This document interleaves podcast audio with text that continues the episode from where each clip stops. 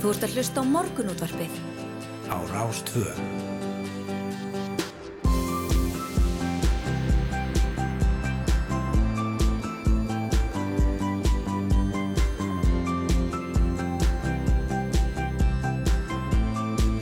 Morgunútvarpið Á Rástvö.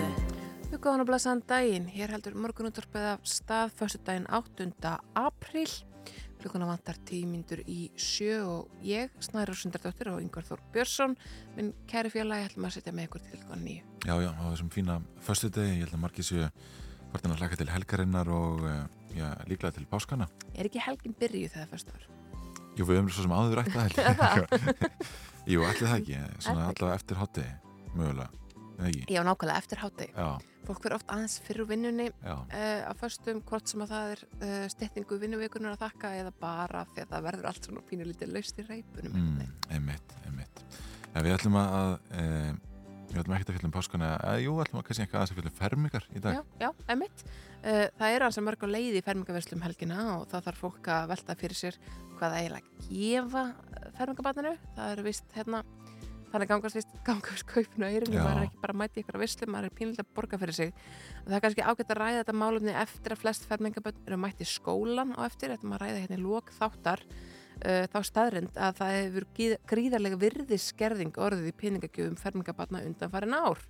Venjan hefur verið lengi að gefa börnum á bylunu 5-10 krónur í umslag en staðarindin er svo að 5.000 krónur árið 2005 þegar að til dæmis ég fættist eru ríflega 10.000 krónunar í, í dag og uh, 10.000 krónunar árið 2005 eru ríflega 21.000 krónur í dag sem er tekið að verðlagstróun. Við ætlum að ræða þetta fullorðins lindamál við Björn Berg Gunnarsson hjá Íslandsbanka og komast í hvort og þá hvers vegna við erum að hlundfara unglingan okkar. Einmitt, að, hérna, þetta er kannski einhver sem það er á í huga þegar eh, við mætum í fermingavislur helgarinnar. Já, eða Mm. ekki. Eða einmitt ekki. Þú veist, kannski er þetta bara að hafa skal það sem betur hljómar, Já, einmitt. ekki hversu mikil, mikils virði það er. Já, já, akkurat. Gott kort er allt sem skiptir máli. Já, ég meina það ekki, ég meina bara 5.000 krónur eða 10.000 krónur, það hljómar bara eins og dágúð summa Já. sem það er, en það er helmingi minni summa heldur en hún var fyrir 15 árum. Mm. Þetta er ótrúlegar fjárhæði sem fermingabörn er að fá. Já, já, Þetta er, þetta er hérna sérstök, sérstök menning sem hefur skapað sig kringum þetta. einmitt. Og flest fermingaböld vilja jafnvel bara fá peninga Já, já. og helst ekkert annað. Og svo koma pappa og mamma, leggja þetta inn á framtíðareikning og þau sjá ekkert af þessu.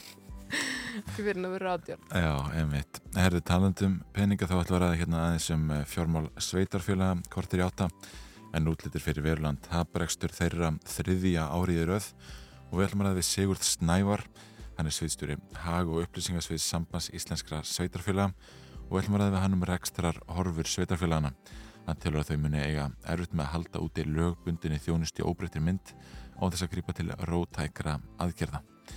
Eh, Það fjallaði þetta einmitt í markaði, já, markaðunum hjá fréttablaðin í gær. Einmitt. og það var Guðmundur Gunnars sem uh, var skrifaður fyrir þessari ágættu frétt og hann er einmitt að koma til okkar í, viku, í frétti vikunar. Já, Guðmundur Gunnars tók við sem fréttastjóri markaðarins í vikunni og af því tilhætni þá fáum við hann til að fara yfir fréttir vikunar með okkur ásamdanni Þórildi Þorkilsdóttur kynningafullur og BHM og hlaðvarpsstjórnanda eftirmála. Já, einmitt.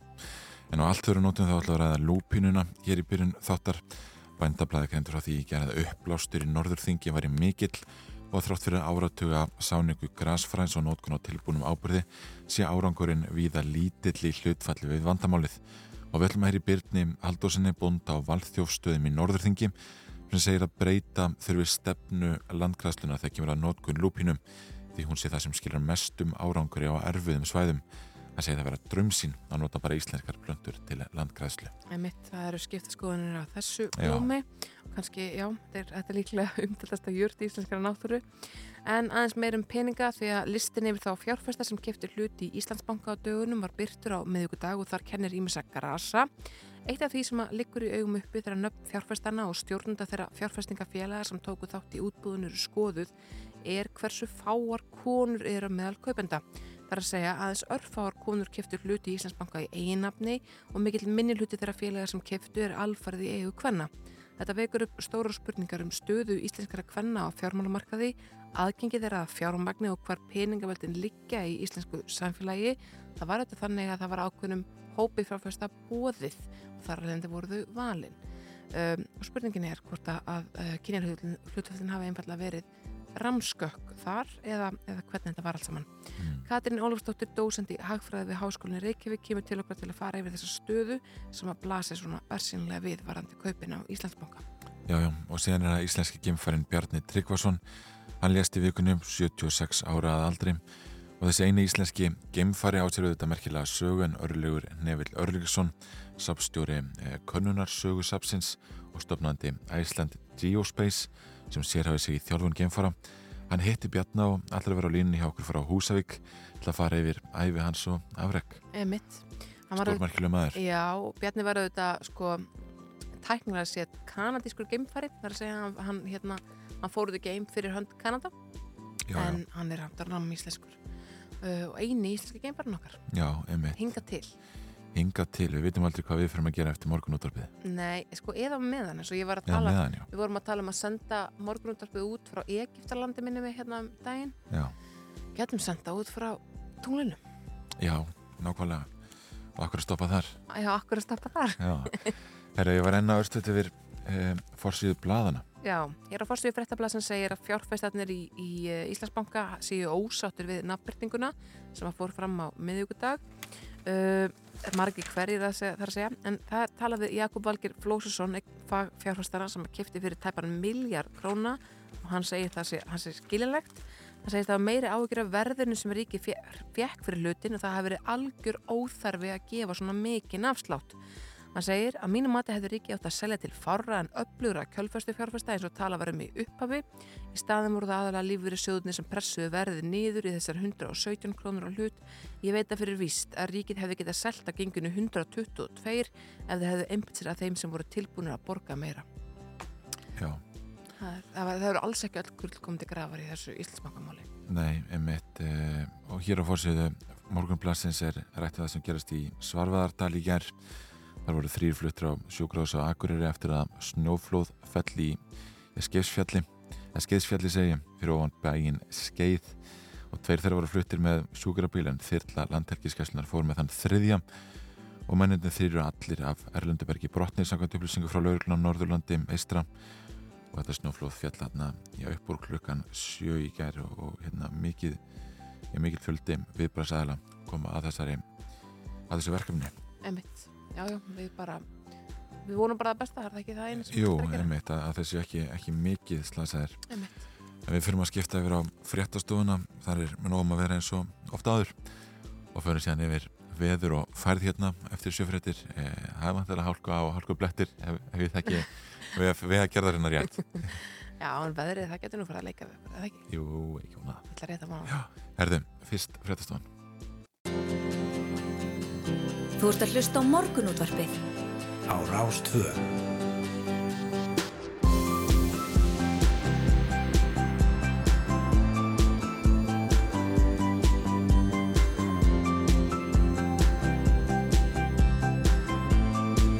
Morgunútvarpið á Rástvö. Morgunundarpið býður, góðan dag, fyrstudaginn 8. apríl. Sjöfættir er að baki og það er yngvar Þóru og Snærós Sindradóttir sem halda hérna áfram með morgunúttarpið hér á Rástvö. Já, gaman að því. Það verður, uh, það kennir ímis að grasa í þætti dagsins. Við ætlum að ræða þá virðiskerringu sem hefur orðið á peningagjöfum til fermingabatna undanfarin, já, 15 ára eða svo. Við ætlum að ræða uh, æfi og afreg íslenska geimfarans Bjarnar Tryggvasonar sem að lest í vikunni 76 ára aldri. Við ætlum að fara yfir uh, frettir vikunar með Guðmundi Gunnarsinni nýjum frettastjóra markaðarins og Þóraldi Þorkelsdóttur, kynningafylltur á BHM og hlavarpsstjórnanda. Svo ætlum við að fara aðeins yfir uh, já, verulegan taprekstur sveitafjalla sem að er í kortunum.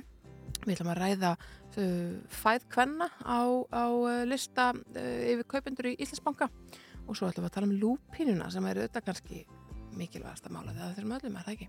Jú, og, og jafnvel mikilvægur er veðrið. Í, í dag eru fínasta veður, segir hér í hullengu veðurfrængs, að meðan spá morgudagsins er á heldur meira flökti. Þá gera sumar spárað fyrir að úrkomi bakki sem verið skamt vestur á landinu nái inn á land og geti því snjóað staðbundið á fagsaflóðsvæðinu sem og á breyðafyrði og aðra spár eh, gera eins verið á fyrir að bakkin er nái nánast ekkert inn á land. Nei, þetta er allt óðalega opið, mætti bara segja. Og hérna er norrlega breytilátt 3-8 metrar á sekundu en austlagar í dag. Skíða með köplum en stöku jél norðan og austalands og frost 0-7 stig en sumstaðar frostlaust suðvestan til yfir daginn og suðaustan 5-13 um landið vestanverta morgun en annars hægari. Þannig að þetta er hérna, það eru bláar tölu þegar við lítum á, á kortið af veð, veðurstofunar já, það er nú aðeins, línar aðeins. Það líður um, á daginn en þetta er kaldur dagur. Já, en hann sagði samt að það væri fín, eða ekki?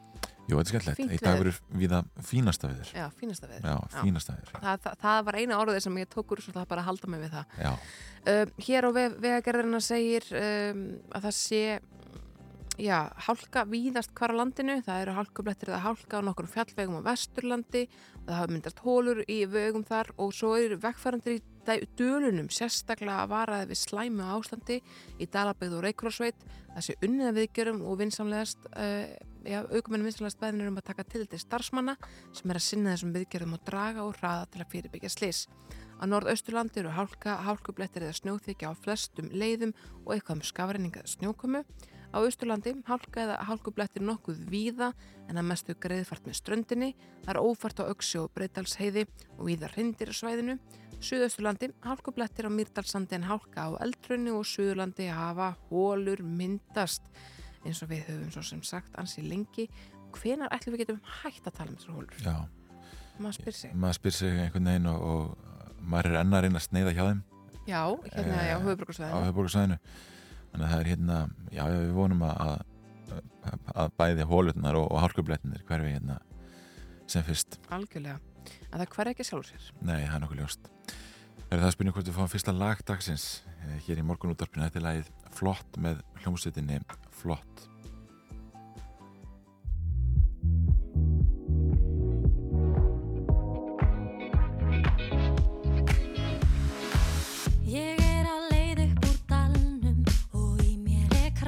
Sem ég nota til að fara ekki þongað aftur. Reyna að finna hvað lætur mér líða betur. Hitti sálfræðingin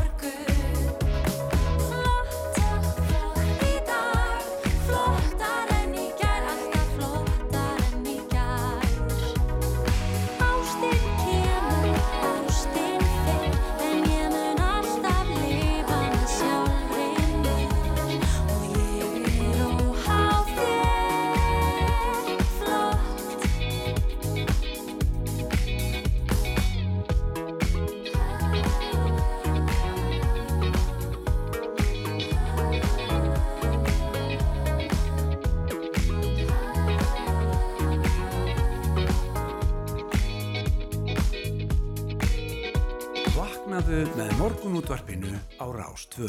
Já, þetta var sannlega flott. Já, já, það er ótaf að segja það og talandi um það sem flott er, þá er eh, Robert Spano, fórseti mannreitinda Dómstóls Evrópu, eh, að greið það síðan í fréttablaðinu, hann eh, heimsótti Frans Páfa í Já. Vatikaninu í gær Einmitt. eh, og það er hérna stóri skemmtileg myndaðum saman að ræða eh, greinlega eitthvað, eitthvað sem hérna hægt er að brosa yfir. Mm, algjörlega eitthvað skemmtilegt. Já, Sko, allir hafa, hafa margir Íslendingar hitt páan? ég myndi einhvern veginn halda að að það var fáir hefði hitt Páfan svona hérna allavega að funda með Páfanum. Já, einmitt. Er samt auðvitað, Já, já. en, en hérna, en uh, já, Já, þeir voru alltaf að ræða hérna mikilvægi starfs Marréttinda Dómstóls Evrópu þegar ófriður ríkir og ógnir stæðja líðræðinum, réttaríkin og vend grundvallar réttinda. Og að spuru hvað Strópert hafa fundunulegt áherslu á upprunalegan tilgang eh, Marréttindasáttmála Evrópu og Evrópu ráðsins Mhm. að geta friðar í samskiptum aðaldaríkja. ég sé hér á veftímarit.is að uh, Jóns Páll Pái, hann kom hinga til lands uh, í árið 1989. Já, Það er hérna st flennist stór myndaðanum að forsöðu uh, morgunblasins sundaginn 4. júni þar sem hann er nýkominn niður landgangin úr flugvílinni sinni og, og, og, og leggst svona á jörðina í, í bænastellingu tilbyður jörðina sem að hann var að stiga á, Mm. þar segja Ísland. En það hafa nú einhverjir uh, já, Stengur Hermansson fórtisára, Jón Baldun Hannbaldsson utanrikiðsára, Haldur Áskrimsson kirkjumálar á þeirra uh, og biskup Íslands, herra Pétur Sigurgesson og herra Alfred Jólsson biskup Kaðskóla hér á landi, tóku Mm. á svona fleirum á móti páanum, buðum velkomin til landsins en meðan voru í för 30 manna fylgdalið og svo fluttist Stengur Hermansson áarp þetta er, það er allt já, já, já. ótrúlegt bara Já, einmitt. Herði, við skulum fá eitt annað lag, eh, síðan ætlum við að ræða lúpínuna, en eh, bændablaði greint fyrir því ekki að upplástur í Norðringi væri mikill og þrá fyrir áratuga sáningu grasfræs og nótkun og tilbúnum ábyrði sjá árangurum við að lítill í hlutvalli við vandamálið. Yes,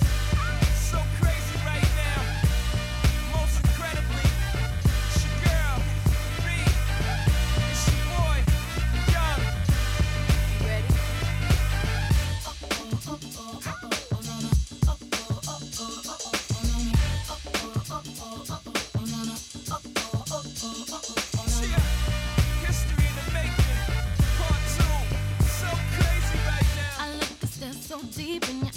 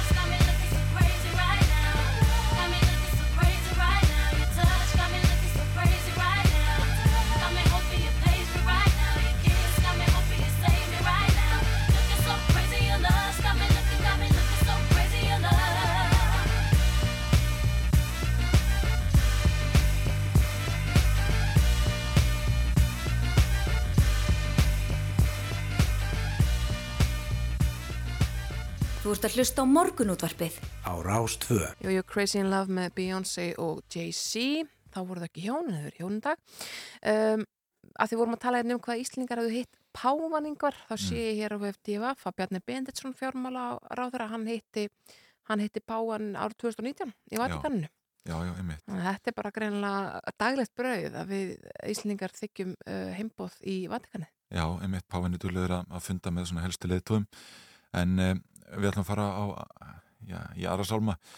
Bændablaði greint frá því í gerði að uppblástur í Norðurþingi væri mikill og að þrátt fyrir áratöga sáningum, græsfræs og nótkun og tilbúnum ábyrði sér árangurinn við að lítill í hlutfalli við vandamálið og Björn Haldásson bóndi á valþjóðstöðum í Norðurþingi komin á línuna, góðan daginn. Já, góðan daginn. Sko, hvernig eru aðstæður þarna hjá þér? Það er bara uh, ansi þurft hér ofta á sumrin og uh, melur á hverfi hæð og móar á milli uh, og svo er náttúrulega búið að rækta töluvert af þessum móum. Já, já. En, en þú telur að breyta þurfið í stefnu landgræðsluna, það kemur að, að nótkunni lúpínu. Já, ég, ég held að vandamálið sé svo stórt að við verðum að nota uh, þær aðferðir sem að skila mestum árangri því að eins og þetta var nú í vetur maður var jafnvel hrættur um að að svo uppgræsla sem hefur verið í gangi að hún hafi ekki undan því sem fíkur burt. Þannig að það er ekki, ekki einungi sagt að nota íslenskar plöntur til landgræðslu eða eitthvað. Ekki að mínu viti, við höfum séð hérna e, í skóratargeringu sem að hefur verið fríður fyrir beit í 20 ár að þar eru svæði sem að halda jafnvel áfram að blása upp, Mm. græða sig ekki sjálf. Sko, en, en hvað með þá sem að, eh, segja að lúpinan einhvern veginn bara fari yfir allt? Hún, hún hafi raun og veru meiri eðileggingamátt heldur en hún hefur uh, græðingamátt.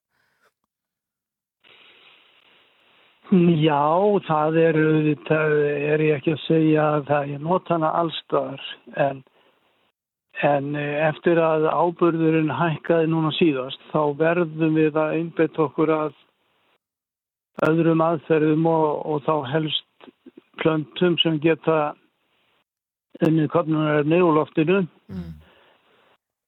af því að aðferð með tilbúnum ábyrði og græsfræði er bara ekki nógu áhrifamikil og, og það er ekki mjög dýr og, og mikil vinna. Já, einmitt.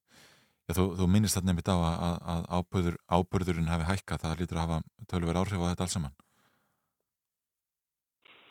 Já, já, eh, ég fyrra var ég að kaupa ábyrð fyrir einu og halva miljón en núna þrjár Já, Já, einmitt.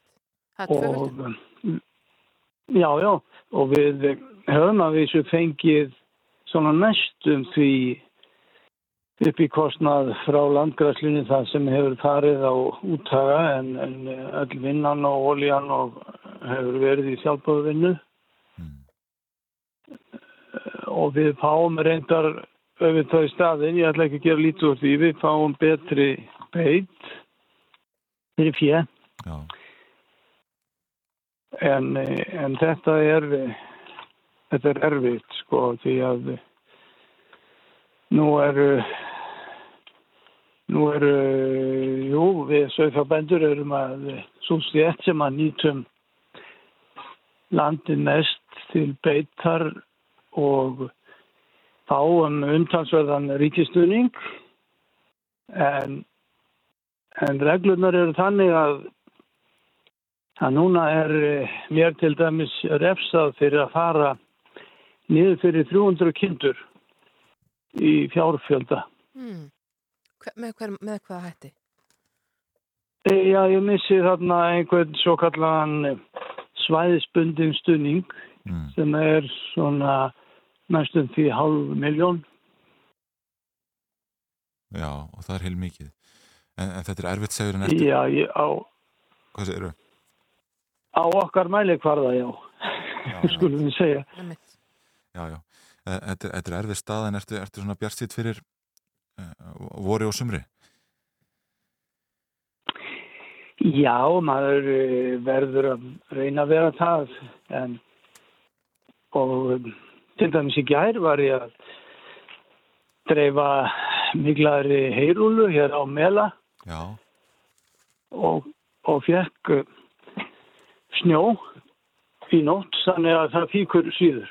já, einmitt, Einmitt. einmitt.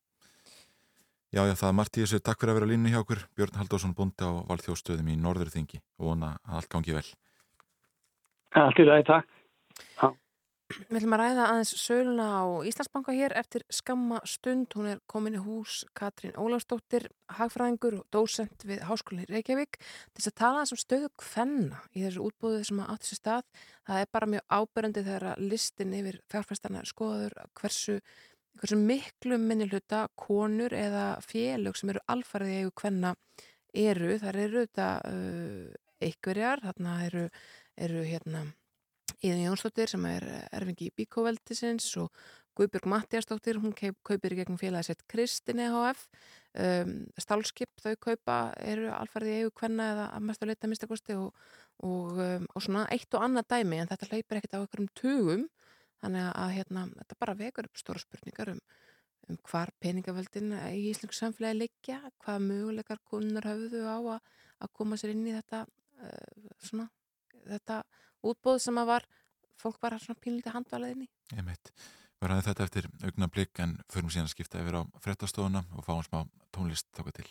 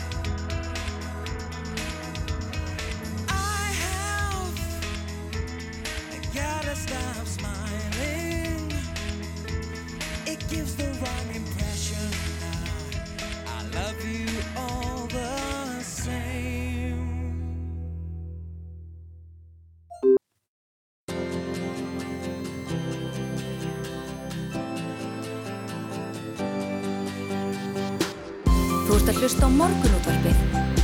á Rás 2. Jú, jú, við rúlum hér áfram í morgunúttarpinu. Við viljum að ræða þess söluna á Íslandsbanka. Listin yfir þá fjárfesta sem að keftur hluti í bankanum á dögunum var byrtur á miðvíkudag og það kennir í mig að grasa eins og allir hafa tekið eftir sem að fylgst hafa verið með fjölmjölum. En eitt af því sem að liggur í augum uppi þegar nöfn fjárfesta og stjórnunda þeirra félaga sem tóku þátt í útbúðunur skoðuð er hversu fáar konur eru meðal kaupenda. Það er að segja aðeins örfáar konur keftu hlut Íslandsbanka í eiginnafni og mikill minni hluti þeirra félaga sem keftu eru alfarði eigu kvenna. Það vekur að svolsög upp stóra spurningar um stöðu íslenskara kvenna á fjármálamarkaði, aðgengið þeirra að fjármagni og hvar reynlega peningavöldin liggja í íslensku samfélagi. Er komninga til okkar Katrín Ólafsdóttir, dósend í Hagfræði við Háskólinni Reykjavík. Verður velkomin. Takk fyrir. Það, þetta blasir einhvern veginn við þegar litið er á þennan lista. Uh, þarna eru bara, þetta er bara upp til hópa karlar sem eru að kaupa bankan. Hvað segir það okkur?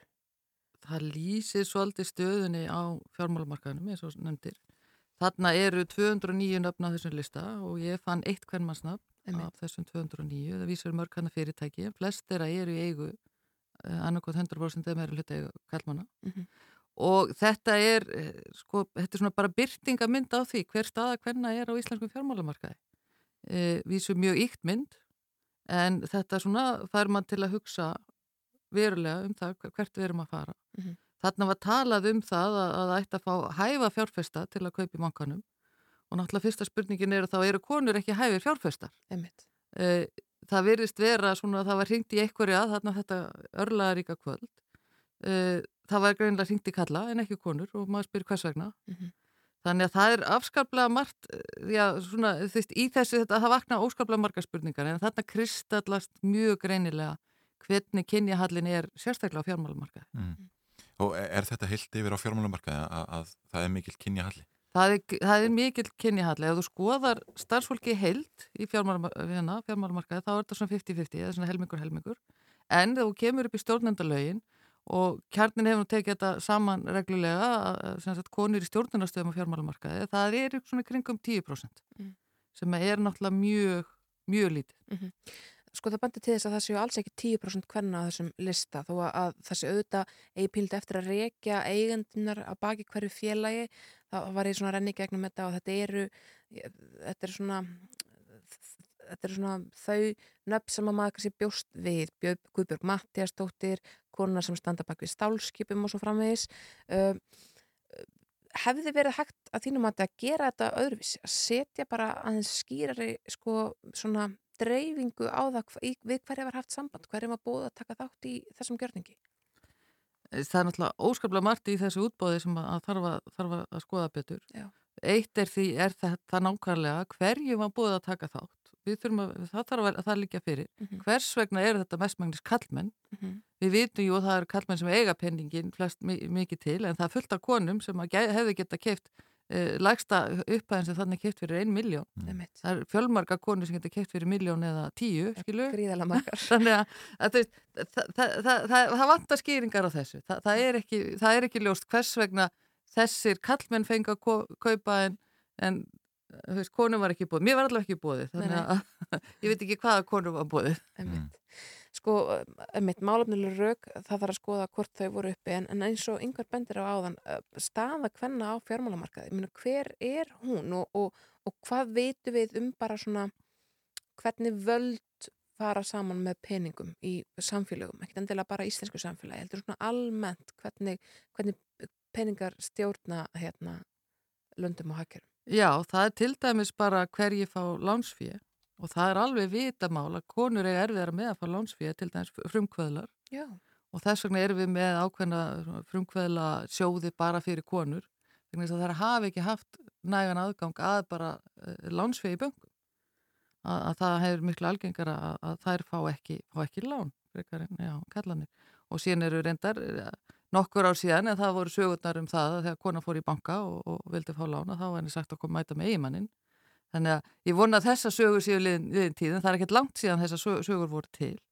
Þannig að, að þarna eru uh, hérna uh, já og þá förum við yfir það að, að, að hérna, frumkvöðla starfsemi, það er mikið til karlar sem að það er í, í, í hérna, sem að tengið alltaf því hvernig þú fær uh, lánsfíð Nú getur tekið þetta lengra að fara bara uh, konur sem stjórnar skráðum fyrirtækjum til dæmis. Það er bara ein, hún er Íslandsbanka. Einmitt. Uh, hún var stjórnandi áður en bankin fór á markað. Uh, hvenar, það hefur náttúrulega verið mikið um hérna, skiptum um hérna, fórstjóra í þessum fyrirtækjum sem er á markaði. Hvenar síðast var ráðinin kona í, í fyrirtækjum markaði, það eru orðin fjöldamörg ár síðan. Þannig að þarna ser maður líka þennan halla í, í hérna, eh, bara stjórnun í hagkerfinu, bara almennt í, í hagkerfinu. Við erum með uh, allskins reglur um, um hérna, konur í stjórnum. Uh, það voru sett lög, hérna, já, lögi voru sett til 2010, tóku gildi 2013 og hérna það eru semst 8 ár síðan. Uh, Hagstofan gaf út tölur núna í haust sem sýnir það að konur í stjórnum sem lögin segja að vera minnstakosti 40% af hvoru kyni, konum og köllum. E, núna eru konur í stjórnum 35%. Þannig á 8 árum eru ekki konum býð lagalega lámarkið sem segir mér það að, að það er fullt af fyrirtækjum hann úti sem fari ekki eftir lögum. Þannig í fyrsta lagi er það að brjóta lög, bara það er neitt. En hins vegar sem ég meiri ágjur af og það lýsir, kemur aftur inn á þetta útbóð, það er þetta viðþorf. Það er allt í lægi. Ég þarf ekkert að, hafa uh, fjölbreytilegi minni stjórn. Ég þarf ekkert að hafa, þú veist, pass upp á það að það séu bæði konur og kallar og fólk með mismandi bakgrunn. Það er bara, þú veist, þetta, er þetta viðþorf Mhm. og það er það sem er að tröfla mig í þessu, að það er þetta, þú veist, e, það, það þú sagður á miðgudag að koma út þessi listi. Það er í dag sem einhver er að segja, ok, byrju, akkur er bara kallmenn á þessu lista. Það, það, fyrir mér var þetta eitt af fyrsta sem kom upp, byrju, hvað eru konurnar? Mhm. Þannig að þetta, þetta lýsir svolítið bara viðþorfinu. Þetta er, þetta er allt í lægi, eða þú veist, við erum ekkert að spája þetta svona fyrirfram, ekki finna eitthvað fyrir að pikka henni í öxlina á okkur. Einmitt. Já, einmitt. Ef við lítum á þess að fjármálamarkaði og, og, og þessar helstu vefsíður sem eru kannski að fylgjast með fjármálamarkaðum, þá eru þau í auknum mæli að byrta, sko, gemma kynjakvarðan og, og annað slíkt. Eh, er ekkert að vera breyting á hjá sko, fjárfestum að fjárfesta ekki í fyrirtækjum það sem er mikil kynjahalli eða, eða samfélagslega ábyrð lítil? Ég hef lítið orðið verð við það. Ég hef lítið orðið verð við það. Mm. Og eins og segi, þetta, er, þetta virðist vera bara svolítið svona, uh, já, e- ekki, ekki nema einhverju sé, sé bent á það, sko. Mhm. Það er kannski meira að við sjáum aukna fjárfestingar bara í, í græna, grænum fyrirtækjum. Grænum fyrirtækjum, það, það er tölvört um það, sko, já, Mm. já.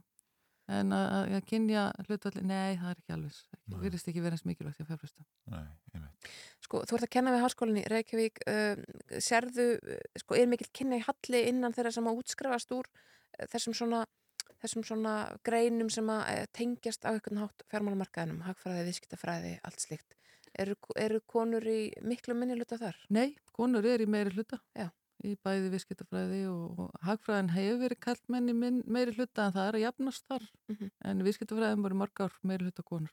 Mm. Þannig að það er ekki það að vanti konur. Þa, það, það er bara algjörlega klart mál. Það vantar ekki konur í þennan gera.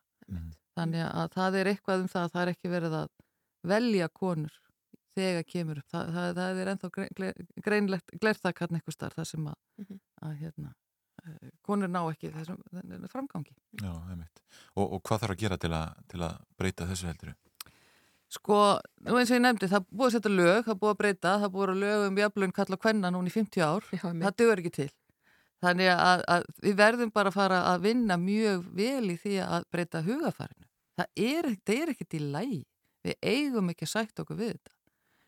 Þegar þessi frétt kom frá hagstofinni um, um 35% hlut hvenna, ég var bara mjög neykslu. En þessi frétt fekk engar vikti neinstar. Og þessi byrju, þetta, e- við eigum ekki sætt okkur við svona hluti. Það er bara. Og, og núna erum við að horfa þetta, þessi gjörningur eða sagt, þetta, þetta útbóð. Við vitum alveg, konur eru miklu fleiri í lálænastjættunum. Kallar eru fleiri á efri hluta og það er þeir sem er að fá að kaupa í, í, í hérna, í bankanum. Þannig að við erum að, við erum að auka tekjumurinn á milli kalla og hvenna í þessu eða, eða eignamun. Og, og kannski valdamenn líka að, að samaskapi. Já, já, já, já. Takk kærlega fyrir komuna í morgunúttarpið Katrín Ólafsdóttir, dósend í Hagfræði við Háskólinni Reykjavík. Þetta er sannlega forvitnilegt mál. Þú maður fá allt lag. Þetta er Superwoman með Alice Keys. Það er kannski viðandi.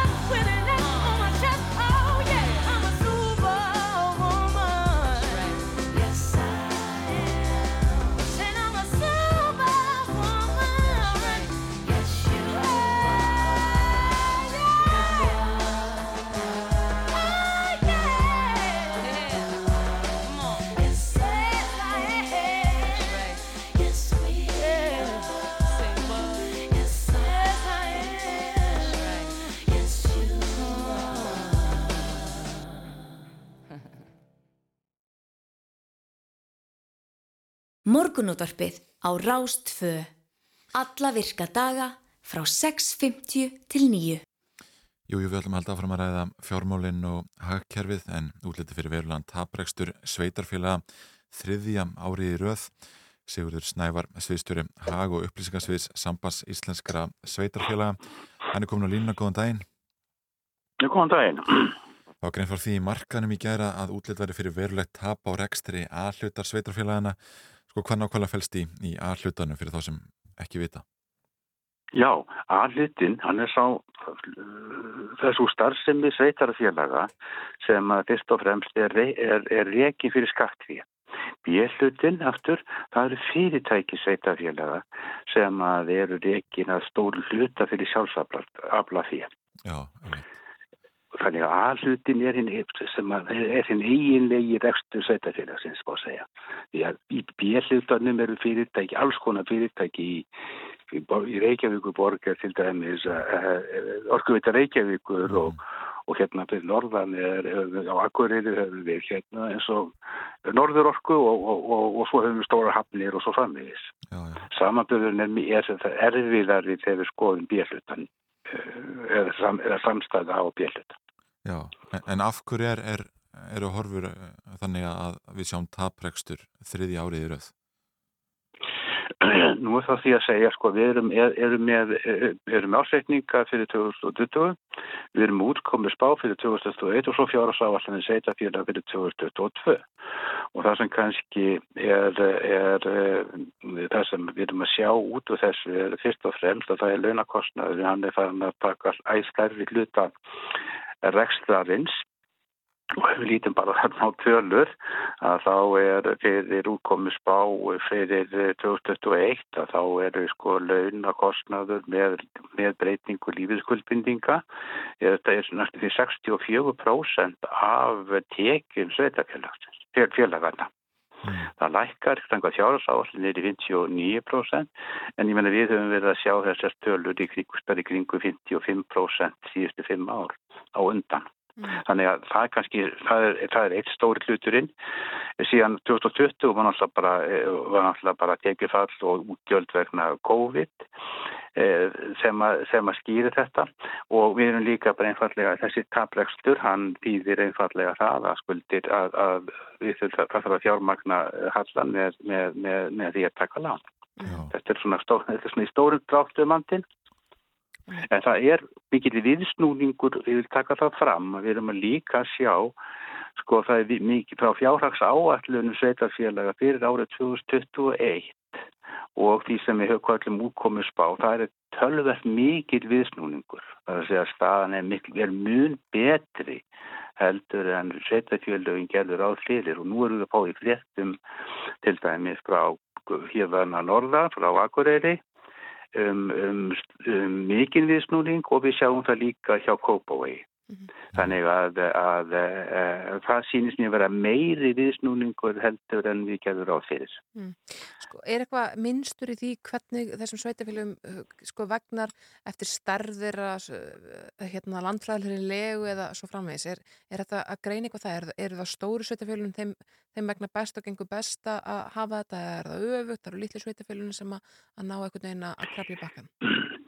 Já, það, það er nýmsu móti. Við sjáum eins og núna að Reykjavíkur borg, stend, menn, það, er, er stórt luti Hallans, er, er stafar af Reykjavíkur borg. Já.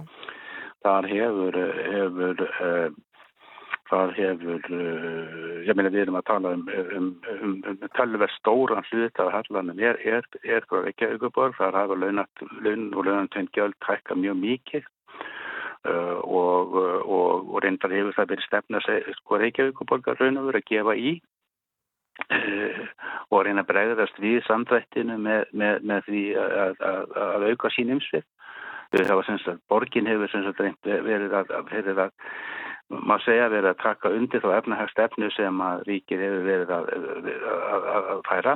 Meðan að minni sveitafjölu eða öll önnu sveitafjölu hafa verið hins vegar að draga úr umsöðum, draga úr fjárfestingu. Einfallega vegna þess að það burði til þess að fara þessa vegferð. Og það er, það er, þetta er bara sko, jú, það er, það er minnst að milli, ef við tökum bara þessu stóru nýðustöðutölur eh, sveitarfélaga þá er það ekki, þá hefur það að lítið að gera með stærð sveitarfélagan eins og, eins og mér verist vera staðan núna allavega. Já, en nú eru sveitarstjórnarkostningar að fara á stað og, og svona umræður vegna þeirra eh, blasir við að, að eh, sveitarfélagin þurfa að, að ég kalla eftir sko, að vera í aðhaldi eh, næstu árin eh, og, og að, svona, hérna, skerða þjónstun sína. Já, sko það sem að eh, ef við tökum bara fjármála áallin ríkistjórnarinnar þá gerur hún ráð fyrir, fyrir því að verði tölverða hagvöxtur um 5-6% hagvöxtur í ár og, og, og þokkalugur hagvöxtur næstu árin. Og um, þannig myndir tekjur sveitafélagana aukast verulega Og, og það er nú svona bjartasviðsmyndin en hins vegar er það þannig að meina skulda staða sveitafélaga þegar hún er allutin er komin upp í 115% skuldir að tekjum sem er gríðarlega, mikið því að við erum, erum verið, ég meina skulda hækkunin að hún er, hún er umtalsverð á, á skömmum tíma ég meina erum að tala um sem sagt, uh, hún var 103% árið 2017 og er núna einhver staði kringum 115% mm. ef að sveitafjöluðin ætla að vinna á þessum skuldum þá þarf að draga, þarf að draga úr, úr, úr, úr þjónustu mm. nema að tekjurnar hækki til, til þess að, að, að, að bjarga útkominni En, en ég vil langar að segja eitt hlut sérstaklega bara, það er út af sko málefni fallast fólks. Það er mjög stór hluti af vandanum. Það er gríðalegur hallið á þeim, verkefn, þeim verkefnum. Sveitafélagin tóku yfir málefni fallast fólks á 2011 og, og núna og, og nú blasir við sko að, að, að árið, árinu 2020 þá hafi hallin á, á þeim, á, þeim málaflokki verið einhver staðil í kringum 9-10% af mm. 9-10 miljardar króna fyrir sveitafélagin í held. Mm.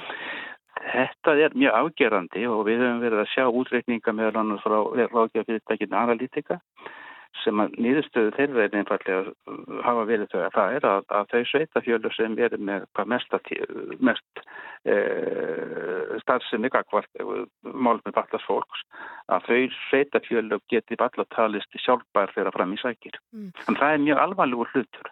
Þannig að raun og veru gæti ríkisvaldið ef það myndi greiða fullu fyrir þjónustu fallast fólks þá væri staða sveitafélagina bara öllu betri? Hún væri betri sem, ég meina, ég veit ekki hvað hallin á, á, á málum farla fólks væri fyrir þetta árið 2021 en ég, ég mynda mér það stengstu kringum 10, 10 miljardar pluss mm.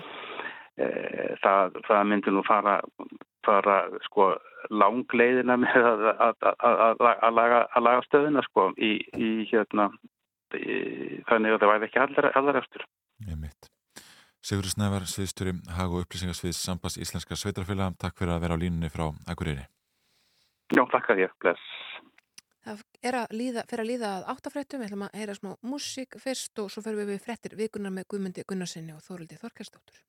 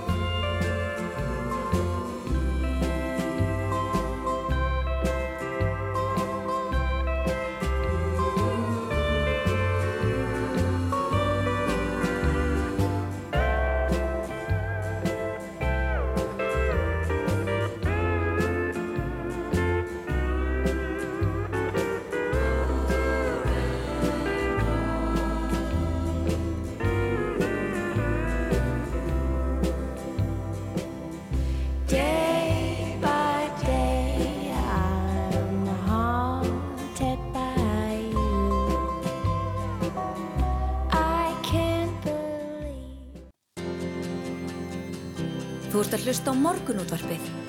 Á Rástvö.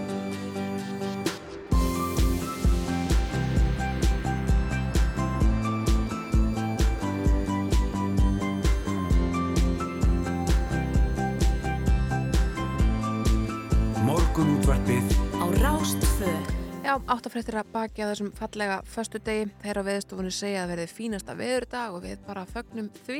Já, já, við ætlum að fara að ræða fréttir vikunar hér eftir augnablík eh, vikan sem er að líða bauð jáneindalega upp á stór mál sem nöðsöld er að krifja. Já, þetta var, þetta var stór fréttavika, það er ótt að segja það. Við komum enga til okkar Guðmundur Gunnarsson nýr fréttastjóri markaðarins og Þóratur Þorkestóttir kynningafullur úr BHM og stjórnandi hlaðvarpsins eftirmála. Já, einmitt. Og síðan ætlum við að ræða íslenska geimfaran Bjarnar Tryggvason við Örlig Nevil Örligsson og síðan í lok þáttar fermingabötnin og, og fjármálin, hvernig hérna, hversu mikið þau að fá og, og, og já, hvort, að- hvort að við þurfum að hérna, miða við verðlagsþróun og verðbólgu og, og, og Nákvæmlega, klæðina. Mm, bara virðiskerðing sem að fermingabötnum voruð fyrir undanfættu 15 árum eða svo.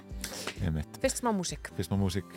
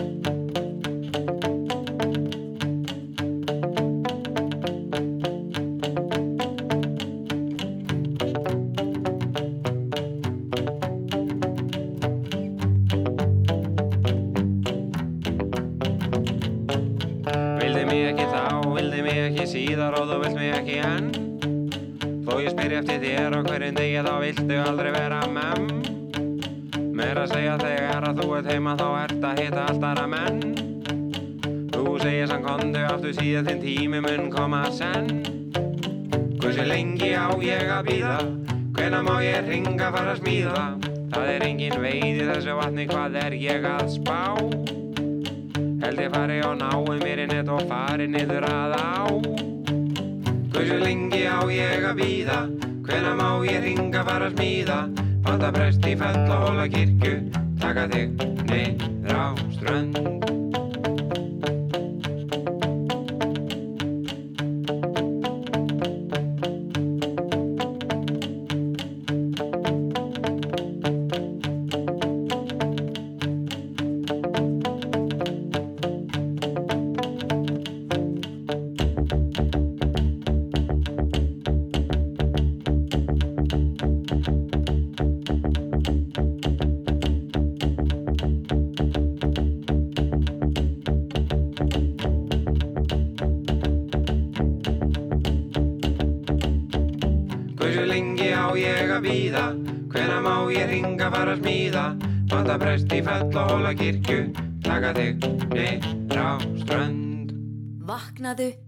með morgunúttarpinu á Rástfö.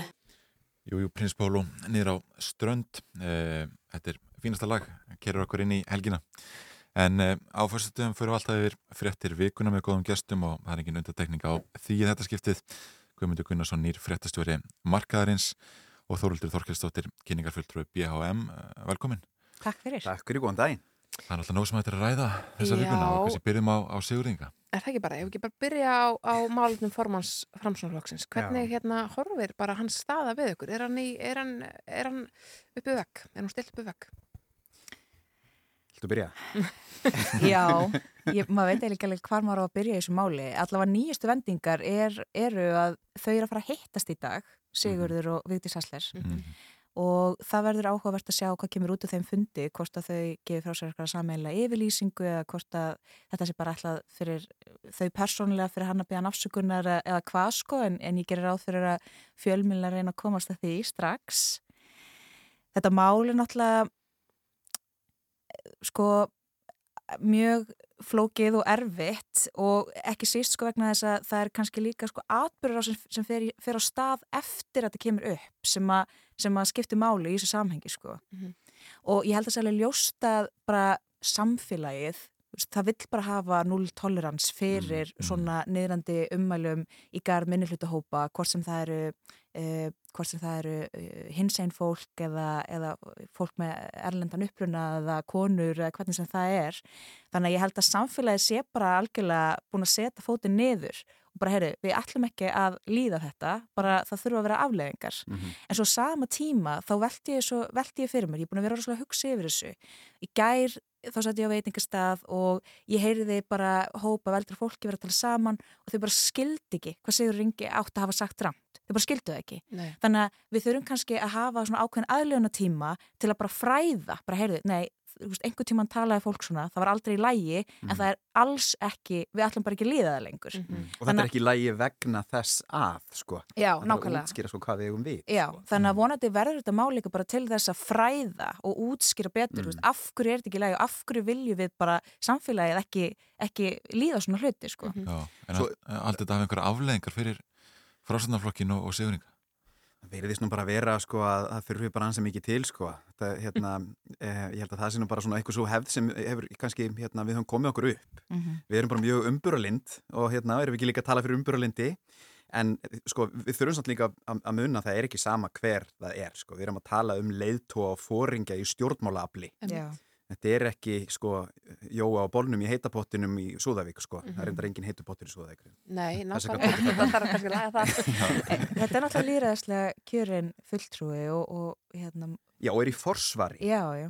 og er, er málsvari og það er litið til hans þetta er hérna valdamestumennum þjóðarinnar Auðvitað gerum við öðruvísi kröfur til, til fólks í þannig stöðum heldur en almennings og, og, og það er bara þannig. En svo vitum við líka alveg öll að það þarf bara mjög mikið til að íslenski ráðamenn segja af sér. Mhm. Síðast var það uh, Sýrjur Andersen sem segja af sér vegna uh, landsrættamálsins og ég held að þar á undan hafi verið hannabitna.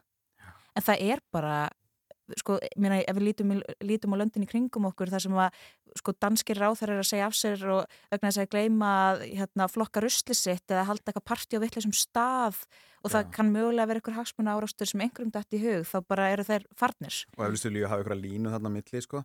en ég held sko í stóru myndinni það sem að svona mál afhjúpar, þetta er náttúrulega svona þessi hverstagslegi rasismi Mhm. Þú veist, eh, hérna, eins og hann hefur útskýrt beðis afsökunar að það hef ekki leigið eins mikið að baki eins og hægt er að rýna í þetta. En ég held að við þurfum líka bara að horfast í augu við það og það er þá bara gott að fá þá umræðu upp að sko djúbstæður rasismi er vandamál Já. á Íslandi og hefur verið lengi það er bara þannig og það er á ákveðna rætur sem að hægt er að skilja. Þú veist við erum bara búin að vera ótrúlega lengi mjög einsleit þjóð og það er bara nýlegt að við séum að svona að reyna að laga okkur að þessum breyta fjölbreytileika mannlífsins að við séum hérna orðið fjölmenningasamfélag og þá er bara hérna þú veist þetta, þetta á alla, alltaf rætur sínar í ótta. Þú óttast, sérstaklega þegar, þegar við erum svona einsleit, þú óttast það sem er ekki nákvæmlega eins og það sem þú þekkir. Mhm. ég meina ég man alltaf því ég var lítill þegar hérna þegar ég var heima hjá ömmu minni, þessi ofbóðslega góð kona. En hérna svo bankaði maður uh, skælbrósandi, örlíti dekkri en hún. Ég veit ekki hvað hann, hvað hann var að gera eða hvort hann var að selja eitthvað eða byggjum eitthvað eða hvað vegna þess að það komst aldrei þangað því að amma gólaði bara og skellti hurðinni ekki vegna þess að hún var í vond Nei, nei, hún var bara hrætt af því þetta var eitthvað sem að hérna, augraði hennar normum Mhm. og, og þetta, þetta kjarnar svolítið hvernig við vorum sér þjóð sko kannski bara fyrir 40 árum síðan En það, það getur alltaf verið afsökun fyrir ráþerar 2022 að hans er hrættur. Alls ekki. Alls ég, er ekki. bara, ég er bara reyna, svona, að reyna að átta mig á því hvaðan þetta kemur og Mhm. af hverju þetta hefur verið hingað til normaliserað Mhm. Og við erum bara að baksa við það reyna að koma okkur út úr því Mhm. að normalisera þetta eða einhvern veginn að viðurkenna að þetta sé eitthvað sem við umberum sem við eigum bara alls ekki að gera. Hluti af umræðinni í vikunni snýrist um sko, hvort að þarna hefðu séðareglur verið brotnar. Uh, dæmi sem þú nefnir hérna áðan Þórildur, þau snúast um svona embætsfærslu ráþara en þetta snýstu þetta bara um eitthvað sem gerist í frítíma ráþarans undir áhrifum áfengis. Ég raun og verið með svona tvíðata spurningu, annars vegar sko mega ráþarar haga sér öðruvísi þegar þeir eru ekki einhvern veginn í vinnunni og svo þetta, eru við Íslingar mm, sínum við sko sínum við óvinnum mikinn skilning þessu svona þessu, þessari hérna, línu sem getur byrst þegar að fólk er í klasi Þetta er, þetta er, hérna, mér finnst þetta nefnilega skemmtilegu punktur. Ég er búin að hugsa mikið um þetta og að, nú rýnir maður í viðtölin við Sigurd Inga þegar hann er að koma fram og byggast afsökunar og svona. Mér finnst hérna ótrúlega merkilegt að heyra hvernig hann svona skautar fram hjá því að, að segja raunverulega hvernig samkomur svona búna að þingja þú hefur verið á svona og ég það Ég hef verið í, ég hef verið í framsónaparti 2012 og 2013 Já. því sem haldið til haga. Og Þetta hann- eru mikil fyllir í, það er bara Já, hann segir Já, já. alltaf hérna mikil gleði, mikil söngur, mikil háfaði, Já. tók eftir því sko, Þa, þaðan sem ég kem þá heitir þetta húrrandi fyllir í. Já, þetta er húrandi fyllir í. Já. Er þið búin að sjá myndina? Já, Já, myndin, já, sem myndin sem umræðir þetta Mhm. náttúrulega, þetta, þessi orðurlátin falla í þarna einhverjum aðdraðanda þess að þá að taka einhverja mynd Mhm. og þessi mynd skust fram í, í gerkvöldi og komin á alla helstu fréttameðla Mhm. og svipurinn á Sigur Inga á myndinni Mm En sko, má, má þú veist, meiga ráð þeirra að taka þátt í húrandi fyllir í? Sko, um, ég held að, að eh, fólk í þessari stöðu, það, það, það verður að átta sig á því að það ber meiri ábyrð og það gilda ekki sömu lögumál ef þú ert, sko sem ráðherra eða hvort sem að þú ert í einhverju ofinberu sínilegu embætti, þetta er ekki nýju til fimm vinna. Nei. Þú ert embættið. Já, þú ert embættið líka í heitapottinum á sunnudögum og líka út í bakari. Það er fólk að koma að máli við þig og ræða við þig út af embættinu sem að þú gegnir. Mm. Og það eru aðra skildur á þér. Ég, ég bara, hérna, þetta, það, nei, það gilda ekki sem lögmál. ég, bara, það, það fylgir því bara svo mjög eins og þú ert að segja Guðmundur, það, bara, það fylgir því ábyrð að vera ráðherra og þú getur ekki tekið þér frí frá því þó þú skellir að búna þing og fá þér nokkra bjóra sko. þú ert bara, þú ert ráðherra þú ert í ábyrðastöðu að sjálfsögðu þarftu bara að haga þér eftir því Mm. það kemur bara svolítið með jobbinu sko. Og þú sækist eftir því, sko. Já, þetta já. liggur fyrir þegar þú sækist eftir því að komast í þessa stöðu, því fylgir ábyrð og þú þarft að standa undir henni. Haldið þetta hafi áhrif á, á ímynd framsvöndaflokksins fyrir sveitarstofnarkostingarnar? Ég, ég átta mig ekki á því, sko. Mér, hérna, ég furða mig dálítið á viðbröðum innan úr flokknum. mm. Það verðist vera alveg eindregin stuðningur, það verður engin stíði fram eða fordæmt eða eh, að einhverju marki, það er bara svona, við erum bara hérna ein held og kannski er það bara þeirra taktík, svona hjákáttlegt hvernig þeir hafa stundum svona stilt fram ákveðnum málsvörum til þess að sína, hei, við erum líka fjölbreytt. Um, en hérna, ég veit það ekki, sko, við erum hérna og við sem erum í þessum frettabransa sem það er að stíga inn í aftur núna, þetta, þetta, þetta tekur, við erum rosalega fljóta að gleyma, sko, svo tekur eitthvað annað við. Já, það er bara, það eru hvað er langt í setjastjórnum kostningar, ekki bara mánuður Já, já, um það fyrir fimm vikur. það er ekki allir búin að gleyma þessu eftir fimm vikur e- virkar, virkar samfélagið okkar ekki bara svolítið þannig Já, Jú, en, en við viljum samt að, að sko í stóru myndinni, ekkit endilega ummælinn sem, sé, eða sem per se, heldur sko um, hvernig ætlum við að, hérna, að komast á þann stað að þetta sé að svona hluti gerist ekki og við umberum þetta ekki Já, og við sitjum með þetta ekki í fermingavislan sem fólk er að tala um hérna, hvað var eitthvað að tvörti þetta? Já. Þess vegna held ég að það sé verið að kalla svona mikið eftir í þess að, að Sigur Ingi axli ábyrð á þessu, þessum ummælum og hann hefur byggðist afsökunar Mhm. en það er líka alveg hægt að skoða sko hvenar kemur þessi afsökunarbyggðinni. Þetta mál fyrir ekki fjölmjöla fyrir tveimur dögum eftir þetta aðtök á sér stað Mm. þá kemur hérna þessi yfirlýsing frá aðstóðarkonu Sigur Inga, Ingvaldi sem að er náttúrulega bara alveg fáránleg þar sem hún er að svara fyrir hluti sem að hún greinilega vissi ekkit um segir að þetta hafi ekki átt sér, stað. Vitis kemur með sína yfirlýsingu í, í framhaldinu og svo kemur afsökunarbeinin. Brot á grunnreglu í upplýsingagjöf. Mm. segðu satt og segðu það strax. Já, Já. Er, það er nú svo margt sem hættir að ræða eftir þessa viku. Nokkuð langar að ræða líka sölun á Íslandsbanka sem hefur náttúrulega lotið harða eh, gaggríni eh, hefði þetta ferli allt átt að vera mm, miklu skýrara og opnara Ég held að það sé augljóst. Um, ég held að það sé augljóst mál. Um, sko, ég er ekki að segja að, að, hérna, að, að, að það veri ykkur hérna, íllur ásendingur á baki. Ég held að það sé hins vegar algjörlega augljóst að það brást eitthvað í því að miðla upplýsingum til almennings um hvað væri verið að gera, hvaða leikreglu gilda og hvernig þetta myndi allt sem að fara fram, hver eru markmiðin. Sko það er ekki nóg þegar svona hérna, stór aðgerðir í gangi eins og hérna, selja eign þjóðarinnar að það sé allt upp á borðum og farið yfir þetta í einhverju lokuðum þingnefndarherbyggjum. Mhm. Það er bara ekki nóg nei, nei. og hérna með fullri virðingu fyrir öllum upplýsingafulltrúum sem, eru, hérna, sem fer fjölgandi í landinu og fjölga sér hérna, örar en, en, en kaninur í að það, er sko og ekki síst í ofnbæra kerfinu sko Já.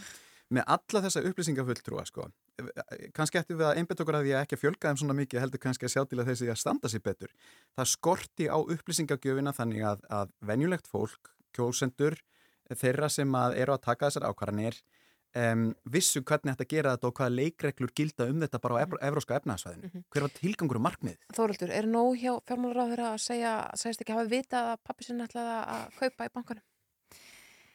Þetta er svolítið bara eh, hérna íslenska leiðin sko. Já, Er það við svona svo- séð þess áður að hann Já, veit ekki hvað pappi sinni er að gera. Já, já, við höfum séð það áður, það er alveg rétt.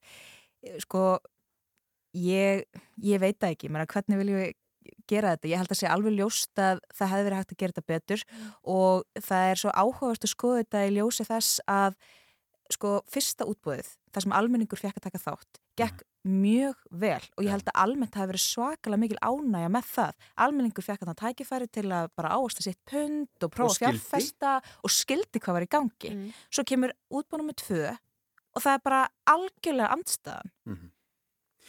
og það er skiljanlegt að, ger, að, að þessi hugrenningatengsl fari í gang sko. Veist, það er, það er ekkit langt auðvitað er við sjálfsögðu. auðvitað er almenningu tortrykkin Bara ljósi, ljósi sögunar, Og þá er það nú bara þannig. og þeim er mikilvægar að, að, hérna, að vanda sig í upplýsingagjöfinni Það er náttúrulega mjög stutt síðan að við í raun og veru gerðum upp uh, uh, söluna á búnaðabanka. Það, málinu. það er ekki langt síðan að það mál var einhvern veginn í deiklunni hvort það var 2017 ef mig minni rétt. Við erum ennþá í uppgjöri sko. Akkur, Já, er, akkur, er, akkur eru við alltaf að klúra því að selja banka? akkur er bara ekki hægt að gera þetta vel? En það sem ég finnst líka svo áhugavert í þessu, það er einhvern veginn bara, nei, almenningur má ekki taka þátt bara fagfjárfestar. Hvað er fagfjárfestir? Hver, hver er skilgreiningin á því? Þarf það að eiga 10 miljonir, 20 miljonir, þú veist, þarf það að vera skuldlaus, það mátti eiga 100 miljonir, er það bara lífverðisjöður? Engin veit það, sko. En svo kemur í ljós að fagfjárfestar eru bara alls konar einhverju sjómlar út í bæ, sko og, og ég meina það er alveg fullt af fólki sem hefði örglega alveg verið til í að, að hérna, áast að sitt pundið sinn spartnað með þessum hætti sem áttu kannski einhverja miljónir hérna, í spartnað og hefði vilja hérna, hoppa inn í þennan frábæra díl Mm. Já, já, og, og geggjaðan afslátt eins og við sjáum í fréttablan í dag það er meira að segja maður sem að kefti fyrir, fyrir marga, marga, margar miljónir sem er bara, heyrðu, ég kefti þetta alltaf ódýrst. Ríki hefði getað fengið miklu meira fyrir, fyrir peningin sko. Mm. Takk, ég skrifaði fréttina Já, þetta er alltaf bara Jakob Valgir frá þínum gamla heimabæ, Já, ekki satt, Guðmundur? Við ákvaðum svona hérna, ég, ég gær sko í staðin fyrir að tala um fagfjárfesta að fara að tala við þá kannski, þannig Já. að ég, ég talaði við þá marga í gær. En það sem að mér fannst líka áhugavert í, sko, í þessari byrtingu, sko, að því það er þessi tortrygni og bankasíslan kemur og segir við getum ekki byrt þetta og svo kemur ráðunni til daginn eftir og segir við ætlum bara að byrta þetta og henda fram upplýsingunum. Já. og við okkur blasir þessi listi Ó, sem sem allir voru búin að kalla eftir og svo fara sko fréttamenn og aðrir að rýna í listan. hver á félögin Já, fyrst blasir við okkur eitthvað svona, hálfgeir svona greatest hits plata á hrunnu Já, já. og svo hérna, umbreytist þetta í eitthvað svona eins og eitthvað bara svona hérna, slempi úrtak úr íslensku bransabókinni Já. og svo hérna fyrir við eitthvað að fara neðar Mm. og þá verður þetta svona eins og eitthvað svona hérna einhver súrrealík sábópera þar sem allir er alltaf að fletta af sér svona latexgrímum ég er ekki fjárfestir Bjarni, ég er fadir þinn Ég held bara ég... Hæ, hvað? Hvað var hann að gera? Ég, ég hef ekki hugmynd um það. Ég veit ekkert um það Nei, ég, sko, ég held bara í ljósi aðstæðna og einmitt bara í ljósi sögunar það er ekki langt síðan hér var hrun og allt það að það hefði bara klálega átt að vanda þetta betur og mögulega setja einhverjar ákveðnar reglur varandi þessa sölu sérstaklega, ekki bara heyrði, það gilda bara sömu reglur um allt hérna sem bankasýslan sér um heldur sko, mögulega þá líka að gera bara einhverja kröfu sem væri sko, þú getur bara keft fyrir minnum um 100 miljónir, almenningur hefði alveg skilið það, já, þú veist, það, er á, það getur ekkert hver sem er keft fyrir svoleiðis upphæð mm Mhm. minnum um 100 miljónir, bara lífverðisjóðir eða lífverðisjóðir með eitthvað ákveðin forgang eitthvað svoleiðis, en, en, en það er bara alls ekki staðan. Og, og, en það, og það er nefnilega þetta með veist, þessar reglur eru til staðar þetta var kent, hérna, kynnt fyrir þingnefndum en þú veist, það, þegar, klúðrið var að miðla þess ekki betur til venjulegs fólks Mm, einmitt, við komumst ekki lengra í þetta skiptið gaman Trúi að fara ekki. yfir frétti vikuna með ykkur Guðmundur Gunnarsson, nýr fréttastjóri markaðarins og Þorvaldur Þorkelsdóttir kynningarfulltrúi BHM Takk fyrir að koma til okkar. Ég vona í nútið helgarinnar. Takk fyrir okkar sem er leiðis. Já og við ætlum að ræða hér æfi og afreg uh, íslenska geimfarans Bjarnar Tryggvasonar eftir skamastund við örleik Nefil Örleiksson sapstjóra Könnasögu, Sapsins og stopnanda Æsland Geospace. Hann er á Húsavík svo við ringjum uh, norður eftir skamastund.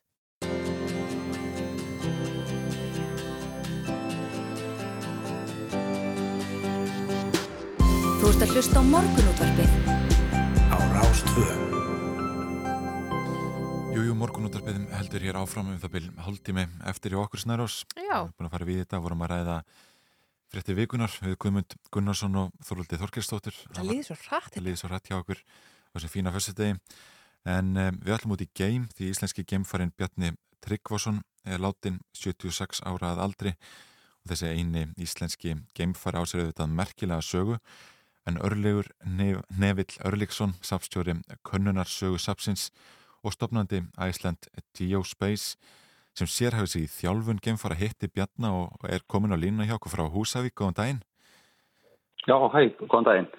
Sko, hvernig var, uh, hvernig var að hitta Bjarnar? Byrjum bara þar. Hvernig maður var hann? Það var, það var rosalega skemmtilegt. Hann var rosalega svona hóvæð. Sko, ég var í talsvönd samskipti við henni genið tölvupost út af hans störfum og náttúrulega hann var mjög áhuga sem er um Ísland og íslenska þáttöku í gemnum. En hérna, ég hitt hann ekki um einu sinni. Það var 2015. Hann hérna, og sko, já, hann var, hann, hann var mjög hóvæð. Þetta er alltaf mjög merkilegt að fara út í geim og vinna þessum þessum afröfnum sem hann vann. Og hérna, það var gaman að sjá hvað hann var, var lítið átt með þetta allt saman sko. Hann var mjög áhuga samur um svona íslensk háskóla samfélag, hann var hérna á landi nokkuð oft en, en þarna 2015 fyrir ég, þá var hann hérna til að fylgjast með dóttursinni sem var að vinna rannsókn í tilhörnarstöðinu að Kjeldum og hérna, og svo reyndar átt hann eftir í framhætti því að kenna hér í háskólinni Reykjavík. Þannig að hérna, hann svona hann hafði ekki áhuga á því að, að svona tengja sín störf við háskóla samfélagi hér heima. Já, einmitt. Og uh, já, e- einmitt þú segir hann hafi verið hóvar uh, og, og hérna, en, en sko hva, hvað getur þú sagt okkur um, um Bjarnar Tryggvason? Hvað var hann nákvæmlega að skoða og, og gera? Já sko Bjarni fer, já við skulum bara byrja þess á byrjuninni sko, hann alltaf er fættur hér á Íslandi og hann elst hér upp til 7 ára aldurs, hann er, hann er eh, gengur í Östubæða skóla, fyrsta skóla ára sitt, hann er ættaður frá Ísafyrði og Dalvik, pappans var, pappans var svartalingur og, og mammas var ísfyrðingur og hann held alla tíð svona sterkir tengingu hinga heim þó hann hafði æli sin aldur allan út í Kanada. og uh, svo fer hann náttúrulega, hann er flugmaður og var alveg hérna afbrast flugmaður og gengur til þessu kanadísku genvísendastofnununa og er sem valin í þennan leiðangur sem hann fer, fer í 12 daga á breytum jörðu. Og hérna, hans leiðangur var svona, megin markmið þar var sem strannslunar breytingum á loftjúfi jörðar en þar fyrir þannig var hann að vinna að sérstaklega tilhörn sem hafði með svona výbring að gera eða, eða skjálta og einangra sem svona rannsóknarefni sem eru að því ofta er verið að kanna áhrif geimsins á ymsa hluti og, og hann var að búa til svona tilhörn sem að snýra því að, að einangra tilhörna viðfangið frá fyrstungi geimfarsins í, geimskotju og fleiru. Og, hérna, og það var einn svo skemmtilegt að hérna, einn morgunum geimfarinir er nú vaktir með svona tónlistlóftatíðum og einn morgun þá vöktu þér Bjarnarsson með læginu Good Vibrations með Beach Boys. Mm. og hann var náttúrulega kannan þennan hristing sko. En, hérna, en hann uh, var þarna náttúrulega þetta breytti honum mikið að fara eitthvað skemmferð og það var indislegt að hlusta á hann tala um, um þetta. Ég, mér er nú svona eftirminnlegust saga sem hann sagði mér af, af því sko það, þegar þú ert þarna uppi þetta er, svo, það er allt svo spennandi og allt svo framandi.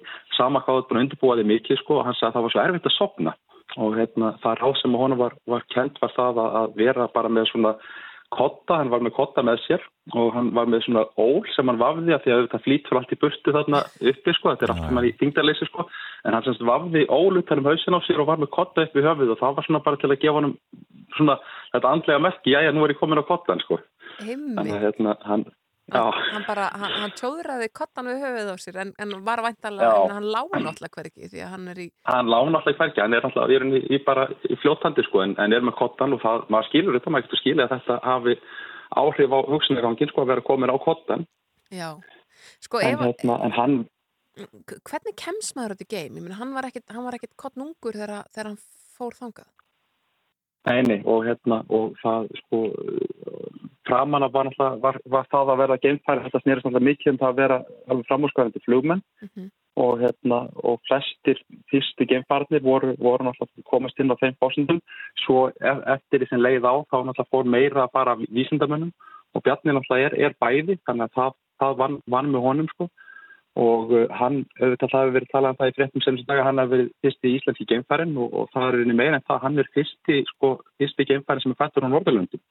Yeah. Þannig að þetta er, þetta er mikil missi fyrir, fyrir öll, alla Skandinavi og Norðurlöndin, sko, að, að missa þannan og ekki eldri en þetta sko.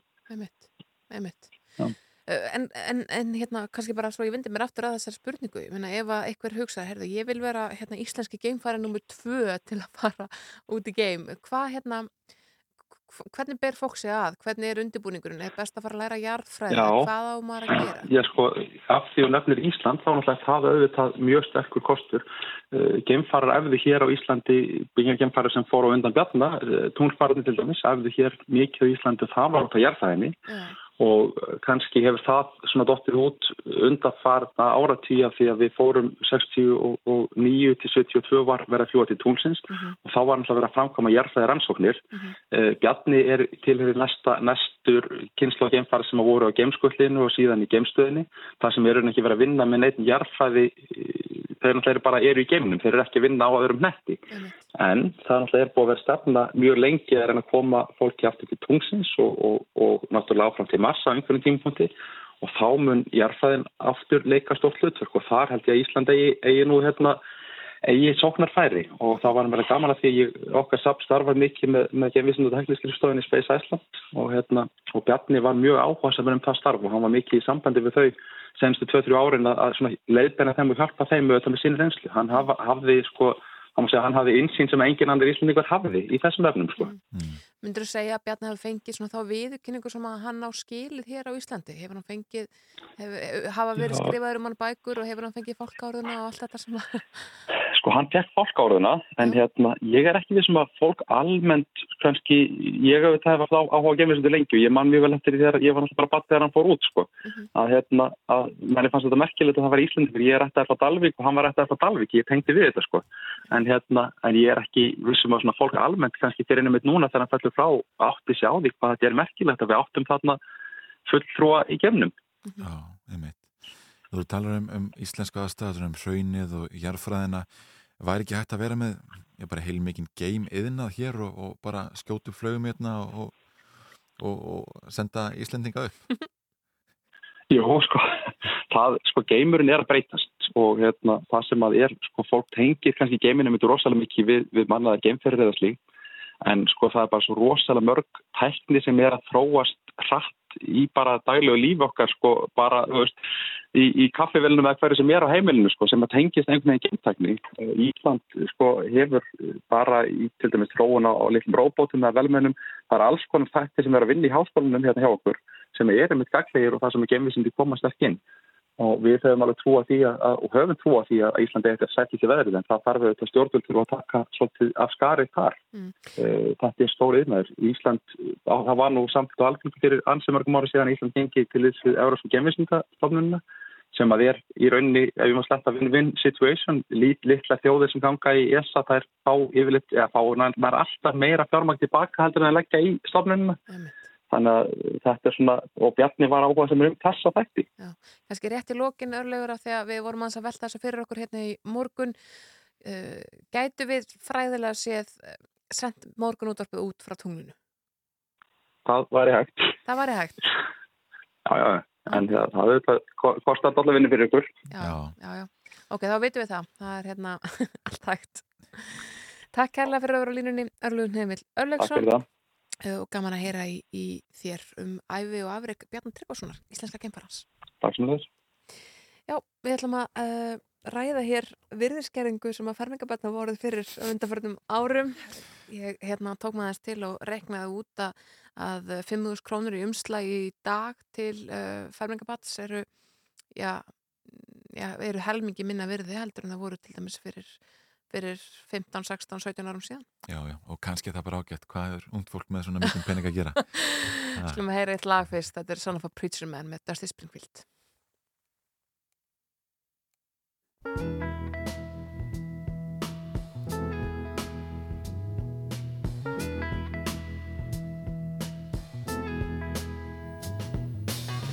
Billy Ray was a preacher's son, and when his daddy would visit, he'd come along. When they gathered round and started talking, Cousin Billy would take me walking. Out through the backyard we go walking. Then he looked into my eyes.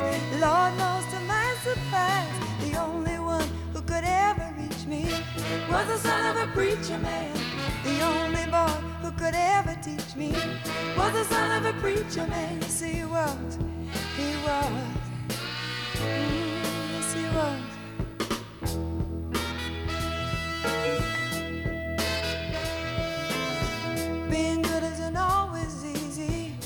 Matter how hard I try. When he started sweet talking to me, he come and tell me everything is alright. He kiss and tell me everything is alright. Can I get away again tonight? The only one who could ever reach me was the son of a preacher man. The only boy who could ever teach me was the son of a preacher man. Yes, he was. He was. Lord knows he was.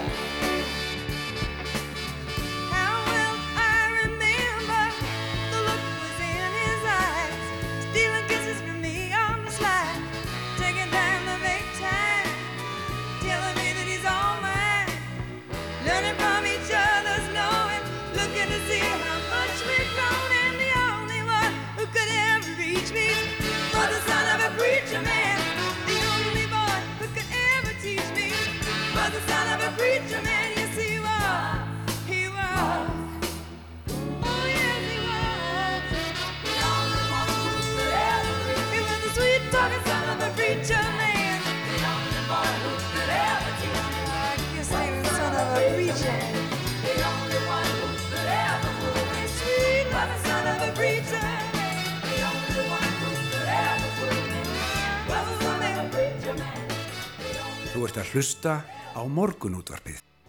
Já, það eru ansi mörg ykkar sem eru að hlusta í dag á leiðin í fermingavislu um helgina og það er kannski ágætt að við höfum geimt svona stóra fullorins lendarmáli þanga til í lok þáttar þegar fermingabötnin eru mætt í skólan en staðarnir er svo að fermingabötn hafa orðið fyrir til að verið virðis skerðingu í fermingargjöfum þar að segja ef að haldi er í þessa venju eða hefði það gefa bötnum á bylunu 5-10 krónur umslag. Svo hefðu við verið ansi lengi við líði uh, allavega alla þessa öld og allt í hennu eru já, já, virðið þessara peninga bara tölvert minna heldur en það var til dæmis árið 2005 þegar að ég ferndist. Hann er komin inga til okkar Björn Berg Gunnarsson hjá Íslandsbanka ætlar að tala þess um það hvort og, hvernig, eh, hvort og hvers vegna við séum hreinlega að hlunfara unglingana. Þetta er velkomin Björn. Takk fyrir það. Erum við að fara illa með, er, er unglingardag að fara illa út úr fermingatíðinni? Æ, ég er nú ekkert að, ég græt nálega þurrun tárum, sko. Já. Það er ekki fermingabönn og yðna með sem við alveg fált í umslæg. Einmitt. nei, nei, en þetta er samt alveg rétt sem hún segir. Ég, þegar þú veist að nefna akkurat þetta, þá, þá rifaðist upp fyrir mér. Það var svo merkileg frétt sem var byrt fyrir nokkrum árum. Um það að á uh, einhverju ruslahaug fannst hljómborð sem einhver hafi tekið og tekið í sundur einhver luta vegna. Mhm. Inn í því fannst umslag með fermingapeningum. Og í umslægin stóð ekkert annað en orri uh, 10. april 1983 þetta er eina sem stóð, það var ekkert kveðja eða bara til hamingi með fermingadaginn, bara orri Mhm. og inni í uh, umslæginu var, voru tveir grænir 100 krónaseglar eftir Kristínu Þorkestóttur einn brún 50 kall og fimm bláir 10 kallar Já. og þetta voru 300 krónur og þá vorum við myndið að hugsa, heyrðu auðmingja orri, hann fær ekki kveðju eða eitt eða neitt, hann fær bara umslag með 300 krónum en fyrir þennan 300 kall hefði hann geta keift það sama og í dag er hægt að, að fá fyrir 6.000 krónur. Emmitt. og þetta er svo gott dæmi um hvernig verðbólka virkar. Og, og þetta er, ef, að, ef hann hefði fengið bandaríkja dólar þá væri þetta búið að, að, að rýrna um 2 þriðju. Þannig að svona bara er þetta allstaðar en á Íslandi kannski er þetta nokkuð ábyrrandi þannig að það er, það er eðlilegt að maður spyrja það er langt á milli ef, ef, ef fólk er eins og ég og er aldrei búið neitt og hefur ekki farið í fermingaveist í 10 ár og þá spyr maður sér sko er það sami 5.000 kallin eða sami 10.000 kallin því að við fáum ekki jafn stóran póka með, með blandi póka fyrir 5.000 kallin við fengum fyrir 10 árum Já, já. Sko, það eru þetta kannski einhverjar afar og ömmur til dæmi sem er að hlusta sem að, að vilja að öll barnaböndin sín fái jafn mikið frá þeim uh, eftir því sem þau fermast. Já. Hvað á fólk að gera í þeim efnum? Á það að fara eftir verðlagsþróun og gefa þá barni uh, 30.000 krónur sem fekk 15.000 krónur árið 2005 eða á það að gefa sömu upphæð, Já. sömu krónutölu. Já, það er nefnilega, það er ansið góð spurning. Það er hægt, það er til tól sem hjálpar okkur við þetta.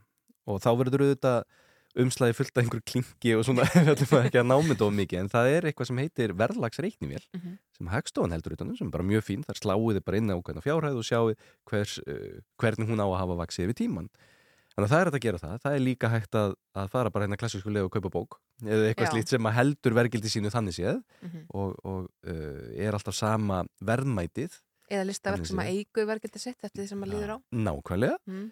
Uh, það sem að eh, hlýtur síðan að vefja svolítið fyrir foreldrum er það að þegar við horfum upp á þetta gerast yfir tíma uh, á, á e, ætla fleiri að vera eins og orri sko og hanga á þessu umslæði næstu í 40 ár eða það er kannski ekki það langt en ég menna krakki sem er á fermingaraldri 13-14 ára og ætla kannski ekki að nota peningin fyrir en tvítugt eða hvað það er, þetta er dágóðu tími. Mm. og peningur getur rýrnað.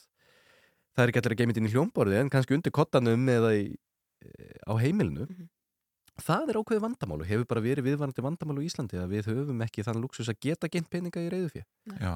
þeir rýrna bara Já, En ef að fólk leggur til að framtíðarreikning. Já, það er auðvitað einn ástæðan fyrir því að reikningar eins og það sem heita framtíðarreikningar eru vinsælir á Íslandi vegna þess að þeir eru verðtriður og það þýðir þá að það skiptir einhver máli hver verðbólgan verður. Núna erum við að sjá hvað 6,7% rýrnun á, á, á verðmæti eða sem sagt verðbólgu síðustu 12 mánuði Uh, ef við erum á verðtriðri bók þá skiptir það einhver máli þá fáum við það alltaf, alltaf bara bætt þannig að þá heldur séðin alltaf verðgildi sínu og ég held að það sé einn helsta ástæði þess að verðtryggingin er mjög vinsæl þegar fóreldrar er að spara fyrir krakka Já, já. Eh, sko, þú minnist á hann Orra sem fekk fermingapenningi 1985, sagður það ekki? 83. 83. Já. Sko, veistu hversu lengi þetta hefur týðkast að, að þú staðfestir samfyllt með guði og, og færð umsla með peningum? að þú þurft að múta krökkum fyrir að skrá sér formlega þjókirkina uh, ég, ég nei, er nefn að vonu spyrjir þetta er, þetta, þetta er eldgumil hefð þetta er mísjant, ég, ég þekki það til mér sí ég og nú uh, fransískin í, í Evrópu þar sem að fermingin hefur verið þegar krakkan eru mun yngri Já. og það sama hefur týðkast á hefur svona verið eh, algengt að krakkar fái einhverja peninga eða eitthvað glingur eða eitthvað slíkt uh, og það sem eru þetta áhugavert er það að hvers kynns þörf krakkar hafa fyrir pening og ólíkum aldri Mm -hmm.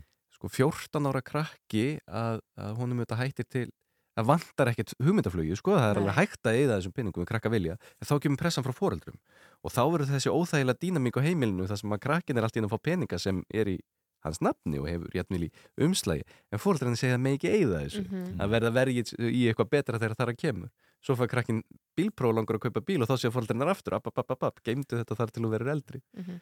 Í sumu tilvíkum er það þannig að fóreldrar ákveða að geima peningin sjálf að, að uh, geima á sinni kenndul, sínu reikningum en að krakkar hafi ekki aðgengi að þessu.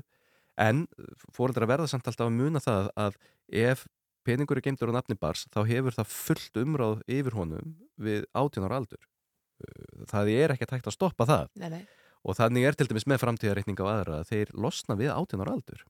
Og þá eru þetta mikilvægt að vera búin að eiga gott samtal við krakkana um svona skynsilega meðferð spari fjár þegar það er að kemur Sko, hvað finnst þér, þú vinnur á Íslandsbanka og, vænt, og það fara alls konar hérna, peningar í gegnum allt það til því mismundir nota, hvað finnst þér að fólk er að nota fermingapeningin í? Á, á þetta að vera heimsreisa, á þetta að vera bíl eða, eða fyrsta útborgun í íbúð? Hvað er hérna skinsanlegast? Þetta er þetta svo mikið smekksatriði en, en alveg klálega ekki bíl Nei. vegna þess að, ef þú ert að tala um þetta þrenn til dæmis, mér finnst það mjög áhverð, ég ta- tala stundu við krakka sem eru kringum fjárræðisaldurinn um þetta, Mhm. kannski í kringum átjónara þú segir heimsreisa sem að ég skil ekki akkur það er orðið eitthvað norm en já, heimsreisa, bíl, íbúð. Það er algjörlega útilokað að þú myndir geta gert allt þrennt snemma. Já. það er alveg útilokað. En ég held að mjög margi haldi að það sé hægt að þetta sé bara lífið, að luxus orðin svo yfir, eh, svo ofbúsluður að að svona sé þetta, að ég fer í heimsreisu og svo er ég bara á nýjum bíl og svo ætlum ég bara að geta keift mér íbúð. Þetta er alltaf að fara að verða þannig að uh, þú þart að forgangsræða með einhverjum hætti. Ef krakki á annar borð ætlar að geta keift sér íbúð á einhverjum tímapunkti, þá er geysilega mikilvægt að, sé, að, að byrja sig að spara fyrir útborgun áður en fluttir að heiman Já, já. og meðan búið er í fóreldrahúsum af því það er mjög erfitt að sapna eðlilega meðan við erum að borga leigu og ef þú ætlar að eiga bíl á sama tíma þá er það mjög erfitt Mhm. bíl kostar 100 áskall á mánuði samkvæmt FIB í ódýrasta falli. Mhm. það er bara svo margt sem fylgir því að eiga bíl og afskriftir og allt það.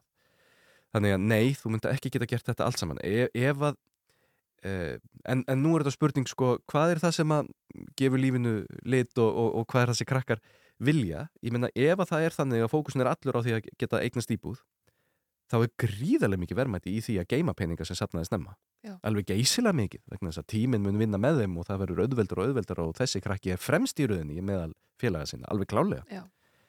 ef hins vegar fóreldra telja gríðarlega mikið verðmætti í því að krakkin fái að fara einhvert upp í fjöld með bakpoka og skoða heimi ég fór sjálfur 17 ára í mánum í, á Interrailum Európu og sé ekki eftir því en um, þá, þá er samt mikilvægt að krakkin átti að sjá því hvað hann fær þá ekki.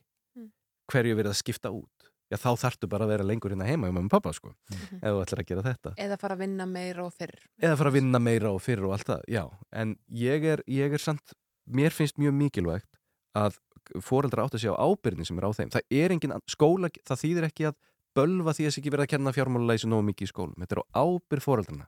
Foreldrar verða að ala upp öllin sín þannig að þegar þau eru orðin átjónara að þá séu þau fullfærum að sjá um sín eigin fjármál vegna þess að þau hafa alla möguleika á því að steppa sér í skuldir og koma sér í vittlisu strax og eigða öllu sínu spari fyrir Mm. þannig að það, það er, er, er mjög mikilvægt á mínum mati Mm. Þetta er alltaf áhugavert að pæla í þessum fermjögum Björn Berg hjá Íslandsbóka, takk fyrir að kíkinga til okkar. Takk fyrir. Já, við komumst ekki lengra í dag, það búið að vera smekkfullur þáttur af uh, skemmtilegu efni. Við fórum hér yfir æfi og afreg Bjarnar Tryggvasonar og svo fórum við yfir fréttu vikunar með Guðmundi Gunnarsson og Þóruldi Þorkelsdóttur. Það var hans ekki glatt á hjalla þá. Já, já, einmitt og, og margt sem hættir að ræða ef til væri best fyrir fermingabörnina að geta skáð sér sem fagfjársta og, og hérna, Og kaupa í Íslandsbanka. kaupa, kaupa vel.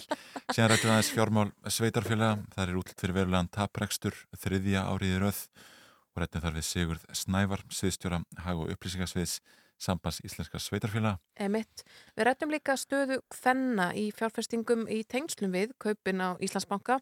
Uh, við rættum það við Katrínu Ólafsdóttur, dósand í Hagfræði. Það eru afskaplega fáar konur sem að voru á þessum lista uh, og það vekur upp stóra spurningar um stöðu kvenna á fjármálamarkaði, hvernig, uh, hvað aðgengi þeir hafa að fjármagni og, og hverjum var bóðið að taka þátt í þessu kaupum. Já, já, og síðan byrjuðum við daginn á því að ræða lúpínuna, e, rættum við bónda á valdþjóstum í Norðurþingi sem sagði að breyta þyrti stefnu landgræslunar þegar kemur á notkun lúpínu.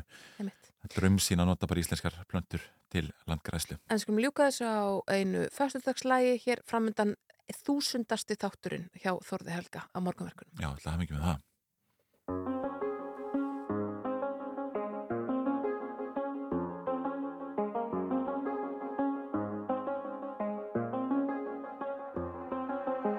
Do the same thing I told you that I never would. I told you I changed, even when I knew I never could. Know that I can't find nobody else as good as you. I need you to stay, need you to stay.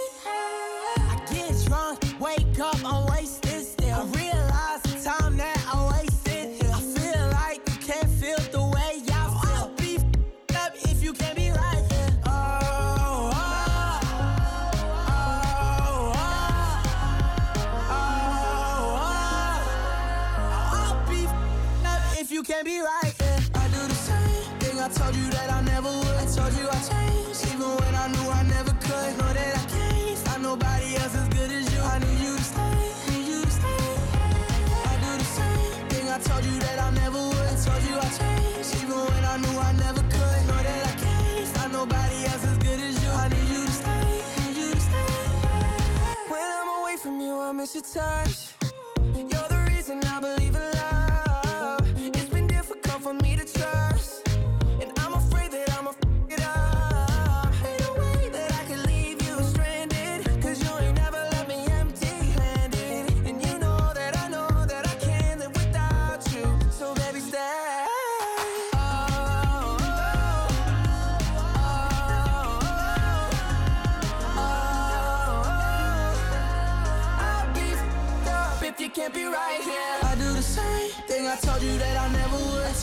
changed. Even when I knew I never could, know that I can't find nobody else as good as you. I need you to stay, need you to stay. Yeah. I do the same thing I told you that I never would. Told you I'd change, Even when I knew I never could, know that I can't find nobody else.